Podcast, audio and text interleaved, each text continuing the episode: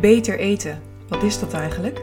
Dat is eten, leven en produceren op een manier die bij jouw lichaam en jouw natuur past. Daar mag je naar terug. In deze podcast deel ik mijn eigen ervaring en de verhalen van mensen die het anders doen. Die natuurlijker eten omdat ze voelen dat dat voor hen de bedoeling is.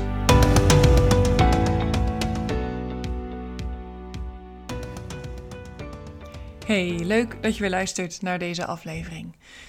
Het is nu begin december en de feestdagen staan voor de deur en daar wil ik graag even op ingaan. Want hoe kun je nou tijdens die feestdagen en tijdens al die sociale settings die erbij horen, je bent met familie, je bent met vrienden, hoe kun je dan goed bij jezelf blijven, bij jouw manier van eten en bij jouw eigen voorkeuren. Zonder dat daar allerlei ongemakkelijke gesprekken voor nodig zijn. Of uh, dat je allerlei dingen gaat eten die je liever niet wilt eten. Nou, ik vond dat vroeger best wel lastig. Of vroeger, laat ik zeggen, toen ik net op deze manier ging eten, nu ongeveer een jaar geleden. Iedere keer als ik me dan niet helemaal aan mijn ja, eetvoorkeuren hield, kwam dat eigenlijk altijd doordat ik in een sociale situatie was waarin ik het gesprek niet aan wilde gaan met mensen. Of nou, ik ging toch uh, eten om te pleasen, omdat mensen dat dan speciaal hadden gemaakt. Nou, allemaal dat soort dingen. Ik wilde niet lastig zijn. En tegenwoordig gaat het eigenlijk een stuk beter. Ik kan nu veel beter bij mezelf blijven. Ik kan dus ook op een hele ontspannen manier die feestdagen ingaan. Ik heb niet meer die stress van, oeh, gaat het goed? Ga ik me genoeg in kunnen houden? Uh, wat gaan andere mensen zeggen? Uh, al dat soort gedachten ja, heb ik eigenlijk niet echt meer. Ik, ik ga met heel veel ontspanning en plezier die feestdagen in. En dit jaar ga ik voor het eerst ook mijn schoonfamilie ontmoeten. Uh, meteen de hele shabam. En ik heb natuurlijk wel even gedacht: oké, mensen gaan me echt raar vinden. En um, hoe ga ik dit doen? Hoe moet ik dit regelen? Er komt ook een heel diner bij.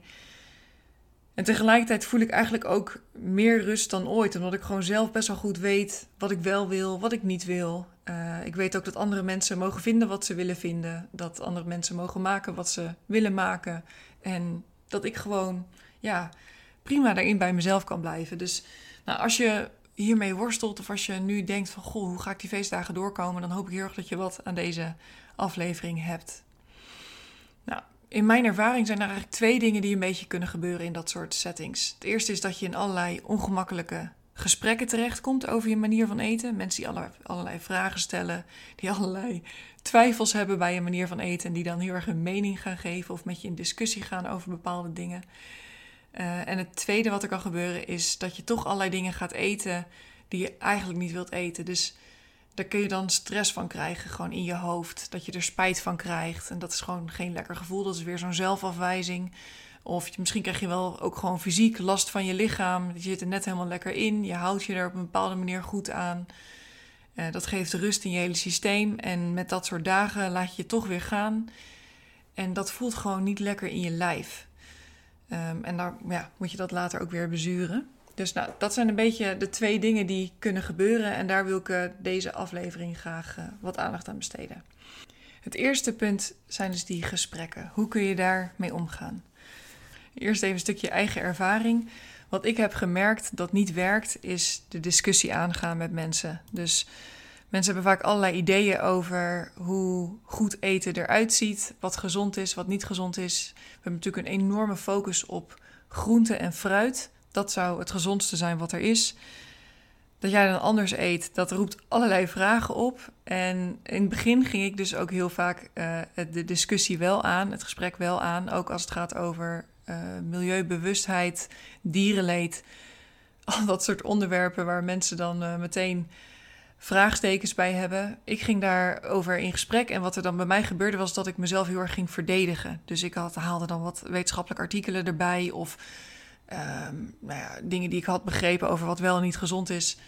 Dat heeft echt geen zin, dat weet ik nu. Het, dus mijn hoofdstrategie nu is eigenlijk vermijd het onderwerp. Maar dat komt ook omdat aan eten zitten vaak allerlei emoties vast. Mensen zijn niet alleen maar geïnteresseerd in, goh, hoe eet jij en hoe voel je erbij, hoe voel je erbij maar eten, ja, daar, dat zit ook heel veel cultuur aan vast. Daar zit heel veel aan vast hoe je het gewend bent om te doen wat je van huis uit hebt meegekregen.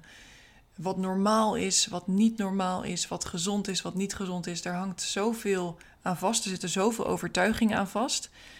En daar zitten ook weer allerlei gevoelens aan vast. En als je dat aanraakt door jouw eigen aparte manier van eten, zeg maar voor hun, dan kom je in een soort gevoelig onderwerp terecht. En dat levert vaak niet de meeste openheid op, omdat je mensen raakt in hun emotie.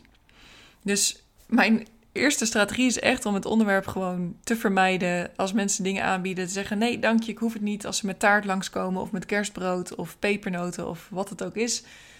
Ja, gewoon nee, ik hoef niet, dank je wel. Als ze zeggen: waarom niet? God, dat eet ik niet. En verder ga ik er gewoon niet te veel op in. Ik ga het onderwerp eigenlijk een beetje uit de weg. En er zijn zo ongelooflijk veel andere leuke dingen waar je over kunt praten met mensen. Dat het echt niet per se nodig is om het uitgebreid over diëten en eten en dat soort dingen te hebben. Nou goed, mocht er dan toch een gesprek ontstaan, mensen die zijn bijvoorbeeld geïnteresseerd in hoe je eet en, uh, en ze gaan er allerlei vragen over stellen. Wat kun je dan het beste doen? Nou, mijn ervaring daarin is ga niet de discussie met ze aan. Wat ik net ook al zei, mensen komen met allerlei argumenten over wat goed is en wat niet goed is. Ze komen met allerlei ervaringen uit in eigen leven. En vaak zijn ze niet zo heel erg geïnteresseerd in jouw beweegredenen. Het lijkt wel alsof ze daar echt in geïnteresseerd zijn. In eerste instantie is dat misschien ook zo, maar omdat je zoiets gevoeligs aanraakt en omdat je zo hun paradigma, hun overtuigingen, hun comfortabele ideeënwereld heen en weer schudt, en dat is eigenlijk iets heel onprettigs, gaan mensen toch allerlei argumenten aanleveren vaak, wetenschappelijke artikelen, dingen die ze hebben gelezen, uh, dingen over cholesterol, over vezels, nou, wat voor argumenten ze ook aandragen, om jou te vertellen dat het ongezond is wat je doet. Niet om uh, te onderzoeken waarom jij precies doet wat je doet, maar vaak zit er toch een stukje achter van: goh, maar het is, het is raar of het is ongezond wat jij doet. Omdat ze gewoon niet bij kunnen dat het voor jou misschien wel iets is wat heel erg goed werkt. En hetzelfde is met milieubewustheid, klimaat, CO2, dierenleed, al dat soort dingen. Mensen hebben er ook een bepaald beeld bij hoe het zit. Mensen hebben er hebben een bepaald beeld bij CO2-productie van bijvoorbeeld vleesproductie. Nou, ga er niet over in discussie, want je komt er sowieso niet uit. Er zijn gewoon ontzettend veel verschillende perspectieven wat je kunt innemen. En ja, de waarheid, daar ga je waarschijnlijk niet bij uitkomen in dat gesprek. Dus ook vanuit dat oogpunt zou ik er te gewoon niet te veel over hebben. En hetzelfde is met argumenten over wat gezond is en wat niet gezond is. Mensen zitten er ook echt niet op te wachten als zij tegen jou zeggen dat groenten bijvoorbeeld heel erg gezond zijn of dat zoveel vlees ongezond is. Zij zitten er niet op te wachten dat jij tegen hun gaat zeggen hoe ongezond kerstbrood is, hoe ongezond margarine is of zaadolie en mayonaise, chips, gluten, al dat soort dingen. Daar, dat willen ze vaak niet horen. Ergens weten ze het misschien wel of weten ze wel dat al die kerstkransjes ook niet echt beneficial zijn of dat zij bijvoorbeeld overgewicht hebben of diabetes type 2 en dat jij misschien wel een idee hebt waar al dat soort dingen vandaan komen. Eigenlijk willen ze het niet horen. Dus ook dat, ik zou zeggen, ga er niet over in gesprek. Laat andere mensen in hun waarde. Respecteer echt helemaal de keuzes die ze maken. Weet dat er voor alles een juiste plaats en een juiste tijd is. En dat zij precies doen wat ze moeten doen, namelijk op hun manier eten en leven. En dat jij dat ook gewoon voor jou doet. En dat, ja, dat je elkaar daar gewoon ook echt helemaal in kunt laten en in kunt respecteren. Nou, mocht er toch dus een gesprek ontstaan en mensen die uh, zijn oprecht geïnteresseerd in jouw beweegreden en wat je daarin hebt en je voelt echt die openheid van de ander, dan zou ik zeggen: wees enthousiast. Own het echt helemaal. Vertel waarom je doet wat je doet, wat je eraan hebt, wat het je geeft. Leg uit hoeveel rust je ervaart in je lijf, hoeveel rust je ervaart in je hoofd. Dat je eindelijk je verzadigd voelt. Dat je veel meer in contact bent, bijvoorbeeld ook met je lijf en met je verzadigingsgevoel. Dat je meer helderheid hebt. Dat je mentale gezondheid vooruit is gegaan. Dat je je fit voelt. Dat je beter kunt ontspannen. Dat je met zoveel minder eetmomenten op een dag bijvoorbeeld ook veel minder prikkels aan je lijf geeft. Wat ook weer meer rust geeft. Dat je meer tijd overhoudt voor andere dingen. Dat je niet meer hangry bent. Nou, ik, ik noem nu maar gewoon even een hele rits op van dingen die in mijn leven zijn gekomen hierdoor. Maar misschien helpt het om van tevoren voor jezelf dat een beetje op een rijtje te hebben. En dat als je echt voelt dat andere mensen oprecht geïnteresseerd zijn in waarom je doet wat je doet en wat je eraan hebt, wat het je geeft, dan zou ik zeggen: own het echt helemaal. Wees enthousiast. Vertel wat het je allemaal geeft. Um, en wees er gewoon enthousiast over. Dan het tweede punt, ehm, wat een beetje mis kan gaan tussen aanhalingstekens als je met feestdagen bij vrienden en familie bent. En dat is dat je allerlei dingen gaat eten die je eigenlijk liever niet wilt eten. Of dat je alcohol gaat drinken waarvan je dat eigenlijk ook liever niet doet, bijvoorbeeld.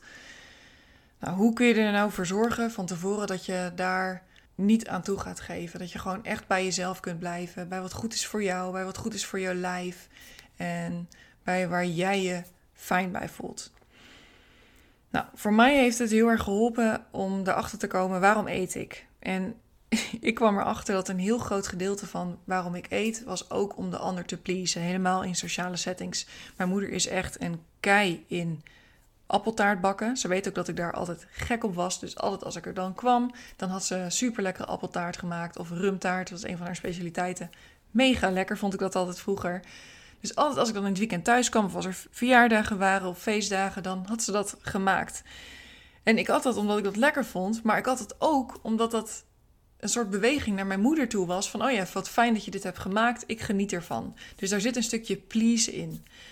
En je hoeft niet te eten om de ander te pleasen. Dat hoef je niet te doen ik heb mezelf echt moeten aanleren, ik hoef niet te eten om de ander te pleasen. En als andere mensen teleurgesteld zijn omdat je hun eten niet wilt eten, ook al hebben ze dat speciaal gemaakt voor jou of speciaal voor de gelegenheid gemaakt, het feit dat zij het nodig hebben dat jij dat eet, dat is hun patroon. Dat is hun onvolwassenheid, om het zo maar even te zeggen. Als andere mensen het echt nodig hebben dat jij eet wat zij hebben gemaakt om zich goed te voelen, om zich gewenst te voelen daar hoef jij niet voor te zorgen. En ik weet dat we als mensen heel erg die neiging hebben om voor anderen te gaan zorgen. Om ervoor te zorgen dat zij zich fijn voelen, want dan voelen wij ons ook weer gewenst in a way. Weet dat je dat niet hoeft te doen. Uiteindelijk help je mensen er ook weer niet echt mee om hun patroon te bevestigen, want dan blijven ze erin zitten. En dan blijven ze andere mensen nodig hebben om zich goed te voelen. Terwijl als jij gewoon goed voor jezelf zorgt, dat is het allerbelangrijkste wat jij te doen hebt hier op aarde, namelijk goed voor jezelf zorgen, keuzes maken die passen bij jou, je eigen leven leiden, dan stel je anderen eigenlijk in staat om datzelfde te gaan doen. Je maakt anderen vrij. Je, helpt, je inspireert anderen om ook meer je eigen keuzes te gaan maken en anderen niet per se nodig te hebben voor het jezelf goed voelen.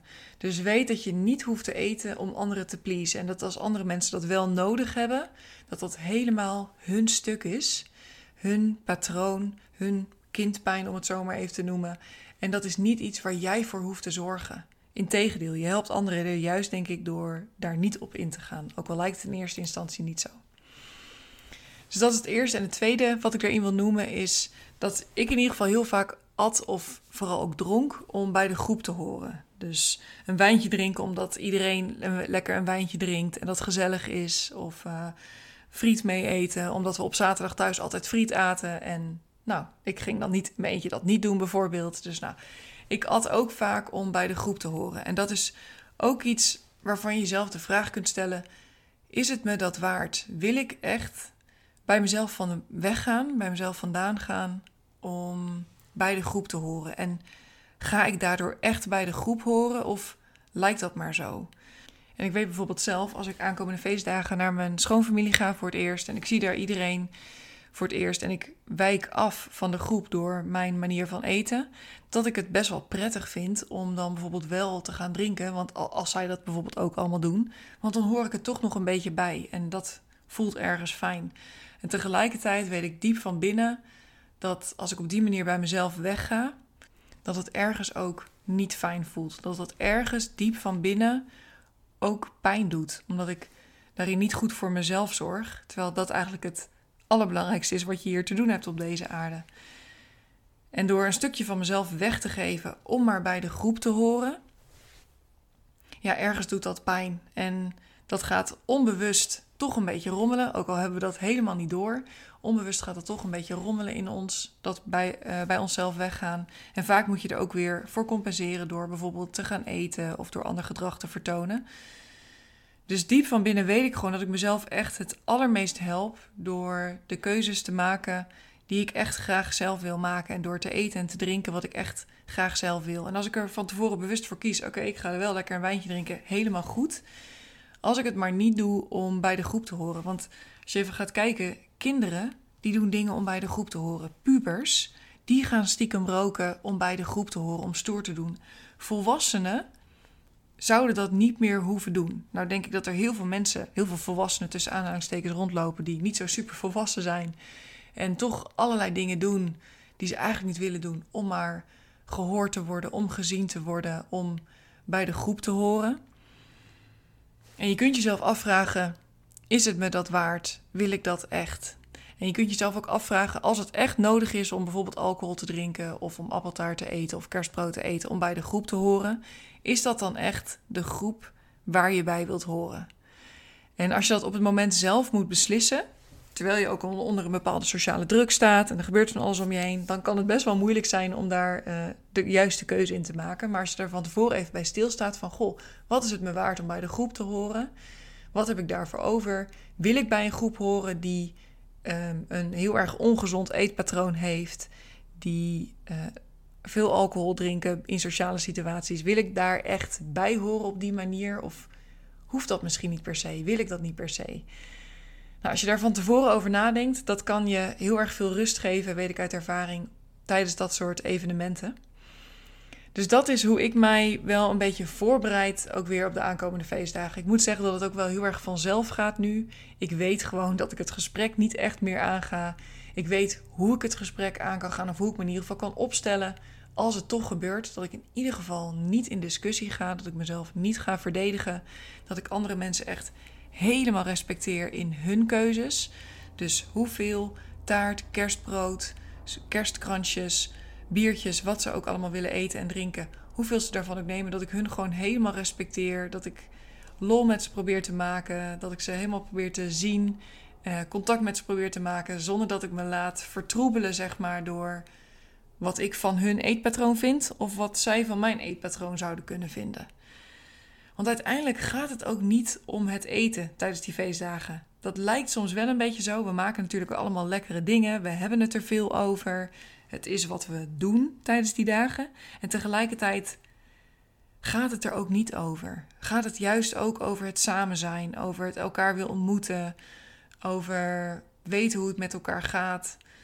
Uh, en niet over het elkaar veroordelen over wat je wel en niet eet maar juist over openheid en elkaar helemaal kunnen ontvangen zoals de ander op dat moment is, hoe dat dan ook is.